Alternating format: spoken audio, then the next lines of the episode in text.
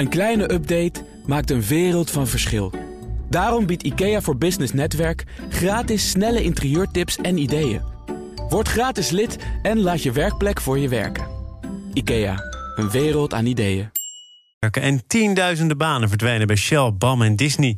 Dat en meer bespreek ik in het boardroompanel vandaag. Zit daarin Paul Koster, directeur van de VEB, de Vereniging Effectenbezitters... en Stefan Pij, directeur en oprichter van Governance University. Welkom, fijn dat jullie er allemaal zijn. Dank.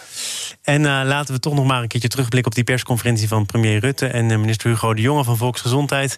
Want die gampt nog na, cafés mogen open blijven, sportkantines niet. Je mag met een beperkt aantal mensen bij elkaar komen. Geldt dan weer niet voor bijvoorbeeld de Efteling. En wat wel duidelijk was, is dat het mondkapjesbeleid neergelegd is bij winkeliers en thuiswerken. Dat was al een advies zonder einddatum weer de norm wordt. Um, hebben jullie allebei zitten kijken? Zeker. Nou ja, er zijn ook mensen die zo langzamerhand af en toe persconferentie overslaan. Jullie dus niet. Um, wat was voor jou, Paul, de belangrijkste maatregel? Nou ja, de belangrijkste maatregel is toch dat men nu eindelijk um, ook communiceert naar de iedereen, het is echt noodzaak dat we met elkaar iets doen. Maar dan komt er toch weer een moment van twijfel als we gaan praten over de mondkapjes. Dat blijft maar in Nederland een punt van discussie en ik verbaas me daarover. We zouden toch met elkaar gewoon moeten zeggen: het is heel duidelijk, in andere landen wordt het ook gevolgd. Dus ja, wat is vond ik. het beste wat je kunt doen? Zeggen van in andere landen gebeurt het ook, dus hier ook? Ja, want ik denk dat um, er uh, heel veel onduidelijkheid is op wetenschappelijk niveau. Er zijn uh, grote wetenschappers die zeggen: het is echt het beste wat je kan doen. En er zijn ook wetenschappers die zeggen: nou, dat moet nog maar bewezen worden. Ik denk dat zo'n op dit moment de regering er het beste aan doet om een duidelijke boodschap neer te leggen. Nou, en, en, die was maandag uh, nog weer wat onduidelijker ja. dan gisteren. Want gisteren ja. kwam er dan het dwingende of dringende advies. Een van die twee in ieder geval. Om binnen huis, of niet binnen huis, maar ja. in binnenruimte een mondkapje te dragen. Maar nog altijd geen verplichting.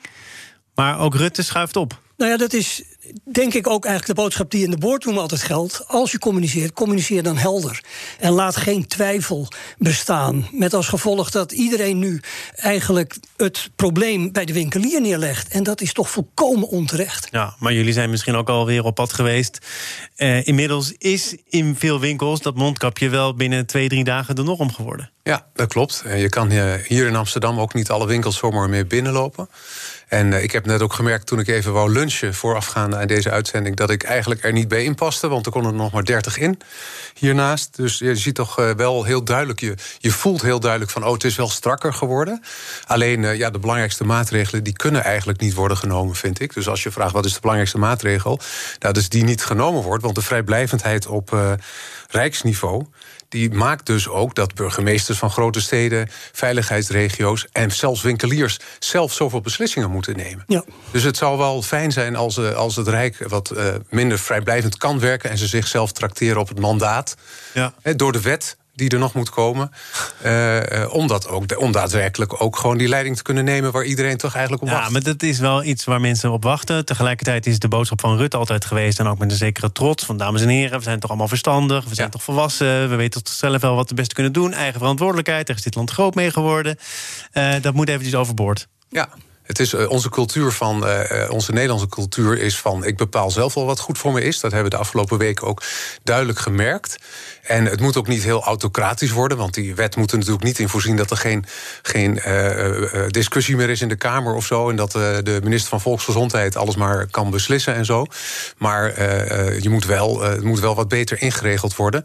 En vervolgens met respect voor wat ze heel handig doen. Bijvoorbeeld is het lekker steeds even een beetje van die persconferentie informatie, waardoor je eigenlijk een soort van feedback constant hebt met het volk. Ja, maar we verliezen zoveel tijd met die discussie over ja. mondkapjes. En het heeft eigenlijk tot nu toe nog steeds alleen maar meer twijfel gecreëerd. Dus ik denk dat echt de boodschap is: laat nou gewoon weten wat je wil en wat ja. het beste is. Ja. En dat is denk ik internationaal ook gezegd mondkapjes. Laten we naar iets gaan uh, waar boardroomleden veel mee te maken hebben, namelijk thuiswerken. Uh, dat is eigenlijk geen vraag meer. Dat moet weer. Dat moet weer de norm zijn. Wat is jullie gevoel erbij? Ik had namelijk zelf, ik zal er eventjes een voorschot geven. Enerzijds denk je, dit kunnen wij, want dat hebben we laten zien in maart, april, mei. En anderzijds denk je, niet weer, hè? Daar waren we toch vanaf. Welke van die twee is nou dominant, Paul?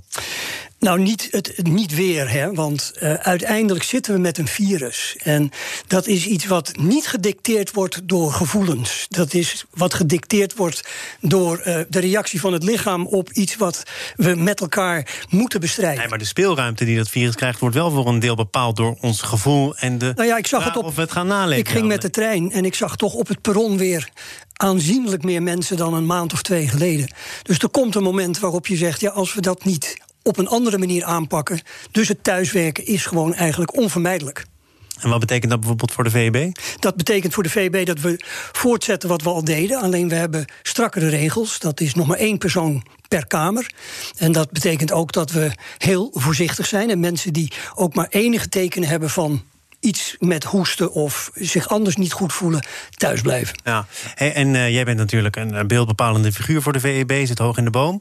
Gelden er voor de directeur dezelfde wetten als voor uh, ieder ander? 100 procent. 100 procent. Oké. Okay.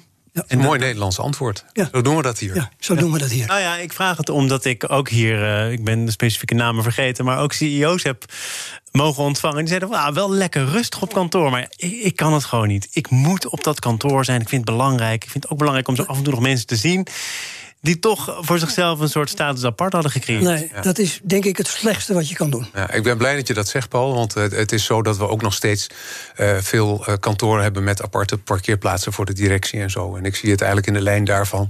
Daar zouden we ook maar eens mee moeten stoppen. nou ja, en, en, en als je dat dan nog weer verder doortrekt, wanneer moet je stoppen met een kantoor of met te veel aan kantoor? Wanneer ja. komt die vraag? Ja. Ik denk, bij, ik denk eigenlijk bestuursleden echt tussen de oren. Ja, ik denk dat we heel organisch eigenlijk die kant op aan het werken zijn. Want we hebben het over een tweede golf, omdat we nog niet een vijfde golf in beeld hebben. Maar die komt er natuurlijk ook, want die golf, die golft maar door. Een vijfde golf? Maar, ik ben er helemaal niet klaar voor, joh. maar Thomas, dus, je raakt wel een belangrijk punt. Ja. Ik denk dat we met elkaar ontdekt hebben dat het eigenlijk ook mogelijk is om veel meer vanuit huis te doen dan we in het verleden misschien dachten. Dat gaat geweldige invloed hebben. Ik las net dat in New York het, um, de, de, terugkeer beperkt is tot 15 uh, eh, procent uh, in de gebouwen. Ja, als dat aanhoudt, dan krijg je toch echt wel een heel ander vraagstuk. Ja. En, en 15% is al veel in een voetbalstadion tegen. En 15% is veel. Maar, maar, uh, maar dat hoe lang is dus de Ja. Hoe lang is het geleden dat er uh, in, in grote steden nog werd gesproken over schaarste van kantoren? Dat er moest worden bijgebouwd. Dat bedrijven daar ook groot in investeerden. Dat vastgoedfondsen het uh, ja. in dat opzicht goed deden. Nou ja, Unibail, al die bedrijven zijn daar met vastgoed voorbeelden van. Dat er echt iets aan de hand is. Ja, ik denk dat het nieuwe normaal, zoals we dat dan steeds zo zeggen, dat het echt gaat over een normaal leven leiden onder coronadreiging. En dat we daar eigenlijk nog best wel met een lange horizon vanuit die bril zouden moeten kijken. En dat, dat heeft natuurlijk voor vastgoed, voor de manier van werken, voor onze cultuur, voor ons, uh, nou ja, de, de, het persoonlijk elkaar ontmoeten, consequenties. En volgens mij leren we er gewoon mee omgaan. Ik zie wel één groot probleem, dat is met nieuwkomers. Ja. Hoe krijg je de mensen die pas beginnen in de sfeer van de cultuur van het bedrijf? Hoe krijg je ze ehm, eigenlijk ook gemotiveerd om, uh, gelet op wat ze horen, uh, de stappen te nemen die belangrijk zijn voor het bedrijf waar je dan net begonnen bent? Dus dat is echt een issue waar ik mee zit. Wat jij zei, Stefan, over uh, leven met de permanente dreiging of weten dat corona er is, betekent dat ook dat bedrijven een permanent crisisteam moeten hebben of niet? Want dat werd natuurlijk in veel bedrijven opgetuigd in maart, april. Wordt nu door door veel bedrijven dan weer van stal gehaald. Datzelfde crisisteam. Misschien moet je het gewoon permanent ja, Ik denk dat het een permanent team is. Opereren. En dat je, het is een permanent team. En het woord crisis kun je dan weglaten. Want uh, uiteindelijk moet je misschien. Uh, kijk, de crisis die creëren we natuurlijk in economische zin. En we gaan het nog hebben over wat dat betekent voor de economie en de arbeidsmarkt en dat soort dingen. Maar die crisis wordt eigenlijk gecreëerd door onze maatregelen. En dat is zo interessant. Als je daarnaar kijkt en ervan uitgaat dat er wel een vijfde golf komt. En dat er even voorlopig geen vaccin zal zijn. Dan heb je een heel ander perspectief dan als je elke keer weer een paar maanden vooruit kijkt wat we nu doen. En wat betekent dat als je dus die lange termijn in de gaten houdt? Dat je eerder overgaat tot het ontslaan van mensen... of het afstoten van kantoren of het anders inrichten van je bedrijf? Ja, ik denk zelfs dat zeg maar, disruptie die veel, in veel industrieën plaatsvindt... ook op een andere manier nu gaat gebeuren. Omdat ook sommige bedrijven dit niet zo lang... in hun traditionele werkvorm kunnen volhouden... en dus sneller uh, ja, overgenomen zullen worden door nieuwe bedrijven die maar dat wel bijvoorbeeld redden wat er te redden valt. Eigenlijk toch de boodschap van de eerste twee steunpakketten sowieso. Dat zou je dan meteen loslaten? Uh, Want er valt niet zoveel te redden als je bedenkt dat er nog drie golven overheen komen. Ja, En er geen vaccin komt. Nee, maar het woord redden zie ik ook in de context van crisis. Dus ik denk eigenlijk van het nieuwe normaal is normaal zaken doen onder coronadreiging. Ja, ik, ik zou niet zo snel nu zeggen, we gaan de steunpakketten opgeven. Ik denk dat dat echt een belangrijk element is om in ieder geval het vertrouwen te houden dat er ook een toekomst is. je moet voorkomen dat iedereen denkt van nou, uh, we stoppen er maar mee. Exact, dat, Kijk, en het is met name met het werken we hebben gezien wat een enorme duw het geeft aan de technologische mogelijkheden in je bedrijf. En heel veel bedrijven, maar er zijn ook heel veel bedrijven waar het gewoon niet anders kan. Je hebt een loodgieter ter plekke nodig. Dat kan niet via een scherm. Ja, ze kunnen je misschien instructies geven. Maar als we dat aan mij geven, dan gebeurt er nee, verder niks. Ik. Maar zo'n steunpakket, waar we het net dan even over hadden, dat zijn allemaal steunpakketten met een bepaalde datum, einddatum in zicht. Dat moet je. Want je oh, dat moet wel. Want als ja, je, natuurlijk, je dat, moet. Dat hangt toch van je perspectief af. En ja, nee, je ondersteunt natuurlijk ook met het idee dat er daarna weer iets kan ontstaan. Nee, nee, maar je maakt ook een begroting voor een jaar. Je maakt niet een begroting voor de rest van de, van de toekomst. Hè. Je maakt een begroting op een basis van wat er nu speelt. En je ziet hoe dat loopt. En dan kun je op een bepaald moment, als dat afloopt, nieuwe uh, maatregelen nemen. Ja. Ik uh, moet even een maatregel treffen, daarna kom ik terug. Zaken doen. De jingle, niet onbelangrijk. Paul Koster van de VEB is hier en Stefan Pij van de Governance University... leden van het Boardroom Panel. En die economische consequenties die worden al gevoeld. Onder andere bij Shell, bij BAM, bij Disney. Uh, bijvoorbeeld Shell gaat drastisch reorganiseren. Gaan 7000 banen op zijn minst verdwijnen. Um, Paul, ik vraag toch maar even aan jou... want uh, volgens mij gisteren aangekondigd... winnaar op de beurs, als ik me niet vergis. Nou, het, het heeft in ieder geval gisteren steeg het nog, vandaag gaat het naar beneden. Ja, is dat ook omdat er meer achter zit dan alleen maar corona? Heel veel van die bedrijven, BAM noemde ik net ook, daar speelde al iets. En er wordt nu ingegrepen. Ja, kijk, ik denk dat je BAM en Shell niet kan vergelijken. Shell heeft uh, op dit moment tegenwind met een hele lage olieprijs. Heeft tegen, mede misschien als gevolg van COVID heeft ook heel duidelijk problemen met de energietransitie. En heeft daarmee uh, de noodzaak om in te grijpen. Ze zullen hun businessmodel moeten gaan afstemmen op de nieuwe economie. En dat betekent uh, dat er, zoals ze zelf ook gelukkig openlijk toegeven. Je kunt natuurlijk wel geloven dat het het gebruik van benzine en alles, olie, uh, wel weer zal stijgen. Maar met geloof kun je niet een businessplan maken. Dus Shell moet heel duidelijk zorgen dat ze klaar zijn voor de nieuwe tijd. En Shell is niet de enige. Het is maar BP. Heeft gezegd van, uh, we, gelo we geloven er niet alleen in. Wij weten dat er een overgangssituatie is, en dat kan nog jaren duren, waarin ook benzine gewoon nodig zal zijn. Ja, en ik denk dat ze daar gelijk in hebben. Alleen tegelijkertijd komt de vraag op wat doen ze met de ruimte die gecreëerd wordt in hun businessmodel, omdat ze toch uiteindelijk volume gaan verliezen. Ja, dan, dan even naar hoe lang dit allemaal gaat duren. Want ik begrijp dat eh, Shell daar de tijd voor neemt. Een reorganisatie die duurt tot 2022. Stefan, stel je voor. Ja, ik wat je daar als werknemer, medewerker van moet vinden. Ja, het is natuurlijk een heel groot bedrijf en daar heb je ook wel veel tijd nodig om te bewegen. Dus het is zelf een olietanker die niet zo heel makkelijk van koers uh, wijzigt. Dus de aankondiging is zeker in de cultuur van Shell al heel, uh, heel groot. Alleen uh, wat ik er heel bijzonder aan vind, is dat wat ik steeds niet kan rijmen. En ik pluis steeds maar weer het nieuws uit om het te gaan begrijpen. Maar er wordt gesproken over 7 tot 9.000 man, rond de 2 miljard besparing. Dan denk ik, hoezo? Bespaar je dan per man 2 ton? ik, ik heb hem even niet scherp bij BAM, kan ik dat beter plaatsen. Dus ik heb even als, als belegger dan, hè, Paul, ben ik daar wel een beetje van in de war. Want dan denk ik, nou, er zit iets achter. Er moet dus, dus of jij zegt die 2 miljard halen ze niet, of er gaan nog heel veel meer mensen uit. Exact. Ja, nou, ik denk dat het ook. Het is een goede opmerking en een goede analyse. Kijk, BAM heeft in het verleden altijd problemen gehad met zijn projecten. En heeft jammer genoeg tegenslagen gehad. Die besparingen die ze hadden doorgevoerd, weer te niet deden.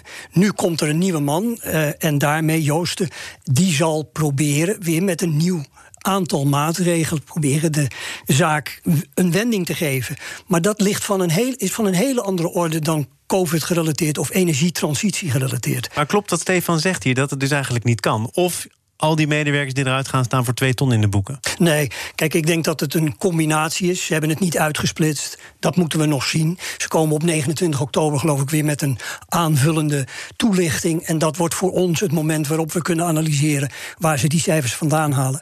Maar vergeet niet, ze zijn ook met hun investeringsprogramma aanzienlijk aan het teruglopen. Dus die besparingen is niet alleen personeel, maar ook interest. Ja. Dan nog even één typering van, van de topman, van Beurden. Die zegt, ja, ons bedrijf, dat heeft hij tegen het FD gezegd in een van zijn spaarzame interviews. Dit bedrijf moet behendiger worden. Ja. Wat bedoelt hij daarmee? Was het topzwaar? Want een olietanker, die uh, vergelijking is al getrokken. Dat, dat is en dat blijft het. Of kun je daar toch een speedboot van maken?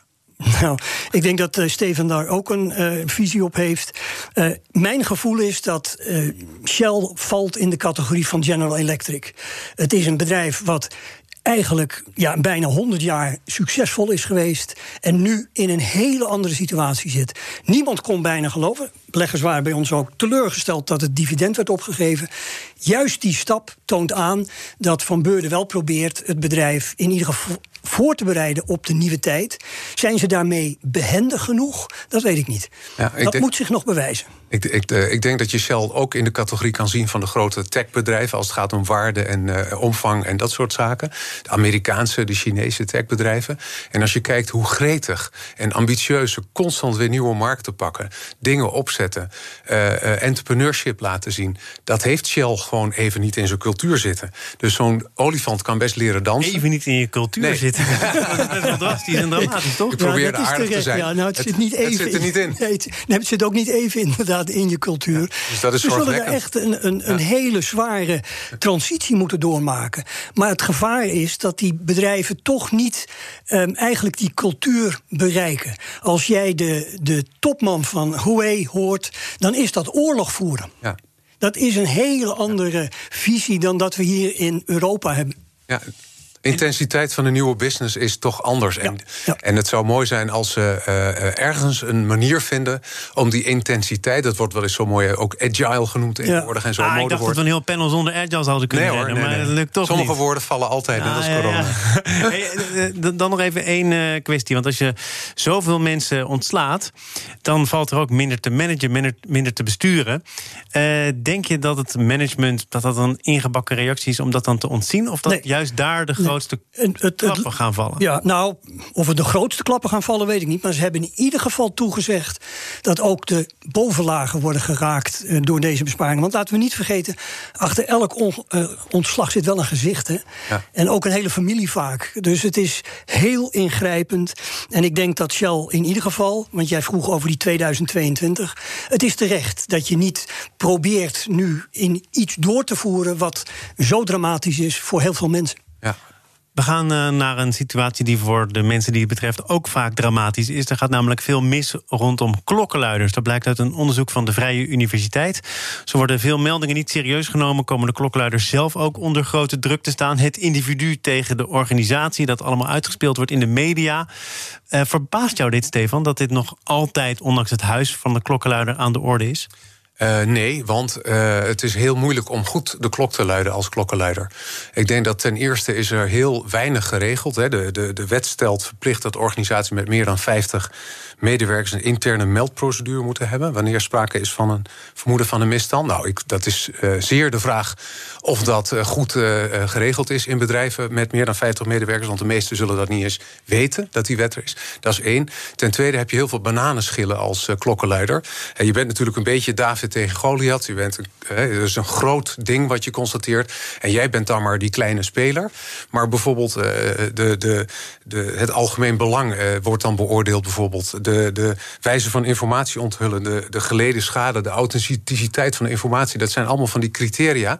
Daar kun je allemaal individueel op uitgeleiden als klokkenluider. En dan gaat je hele melding niet door? Of dan... Nou, dan, dan, dan, dan wordt je melding intern eigenlijk al niet eens meer goed opgepikt. We hebben vandaag in het FD gelezen dat de, de de klokkenluider van EY bij uh, Wirecard. Dat die, uh, dat die procedure niet goed is afgerond binnen EY. Dan is dus de vraag: wat is daar? Uh, is dat onhandigheid geweest of is daar een belang bij geweest?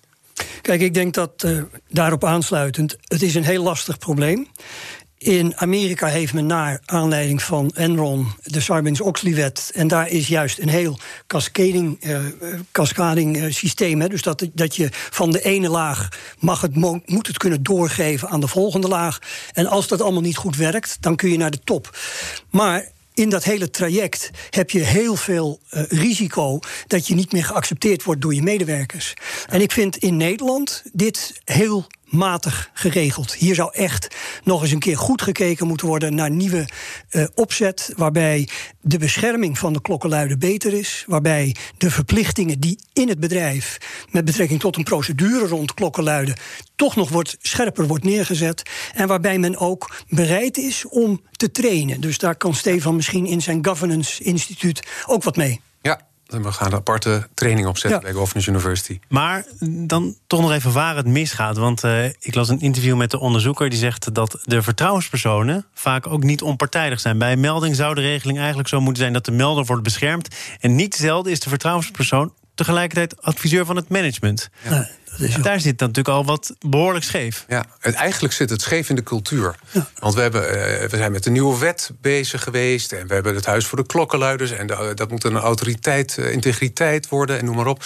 En eigenlijk zijn we er veel te veel nog uh, een soort van left brain mee bezig, rationeel mee bezig. Terwijl de cultuur is.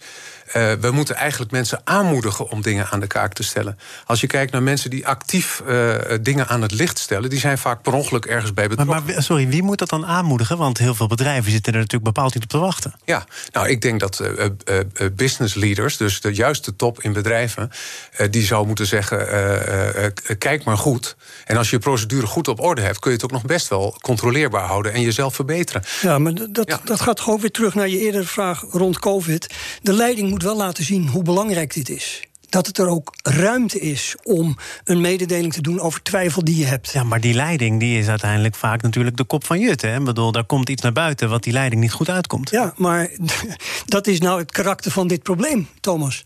Er is een, een issue waar men heel gevoelig voor is, waar men ook bang is dat als het naar buiten komt, dat dat geweldige repercussies heeft de verwachtingen in de maatschappij worden steeds hoger op dit gebied. En steeds scherper en steeds feller. En ik heb het gevoel dat die hele klokkenluidersregeling niet pas heeft gehouden met die ontwikkeling. En dat we ons moeten realiseren dat uh, waar aandeelhouders, als ik daarvoor mag spreken, echt hekel aan hebben, is de onzekerheid. Je ziet het nu bij IHC ook weer iets naar boven gekomen. Hoe is het mogelijk dat met alles wat we gehad hebben bij SBM nu ineens bij IHC weer een agent een probleem vormt. Ja, maar denk je niet dat dit toch eigenlijk altijd zo zal zijn? Of ben jij daar wat minder somber over? Nou, ik, ik, ik ben nooit somber, want je moet altijd hoop houden. Maar het vraagt andere aanpak. Het vraagt een scherpere definitie. Het vraagt een betere bescherming. En men heeft in Amerika bijvoorbeeld een regeling, dat had ik in het voorgesprek. Men geeft daar uh, rewards. En die kunnen echt oplopen tot de miljoenen. Als er een uitkering is, uh, een boete die wordt gegeven, dan krijg jij als de klokkenluider een deel daarvan. Ja, hier gaat het vaak andersom volgens mij. Dan Juist. wordt een klokkenluider afgekocht. Juist. Ja, ah, nou, of, dat, dat zijn jouw woorden. Nou, dat is, maar, zijn niet mijn woorden. Dat zijn de bevindingen van de onderzoeker. Ja, goed. Nou, dat, ik heb daar verder geen direct bewijs van. Maar het is wel zo dat in Nederland je voorbeelden hebt waarbij mensen echt in een hoek zijn gedreven als klokkenluider. We moeten een andere sfeer. Is het vervelend? Ja, maar het is ook een heel vervelend onderwerp. Je ziet het met het witwassen, Thomas. Daar is ook heel veel discussie over waarom hebben de banken niet dit, waarom hebben de banken niet dat. Men moet hier een andere omgeving creëren. Het begint allemaal met een cursus bij jou. Het begint allemaal bij een cursus bij de Governance University. Ja, belangrijk. Maar meen je dat nou? Jij gaat ja, nou, serieus cursussen opzetten om dit uh, probleem uh, aan te pakken? Zeker, de klokkenluider. Uh, die, die, we, we, leiden niet op tot wordt een goed klokkenluider. Want niemand weet, de meeste mensen weten nog niet dat ze het zullen zijn in de toekomst.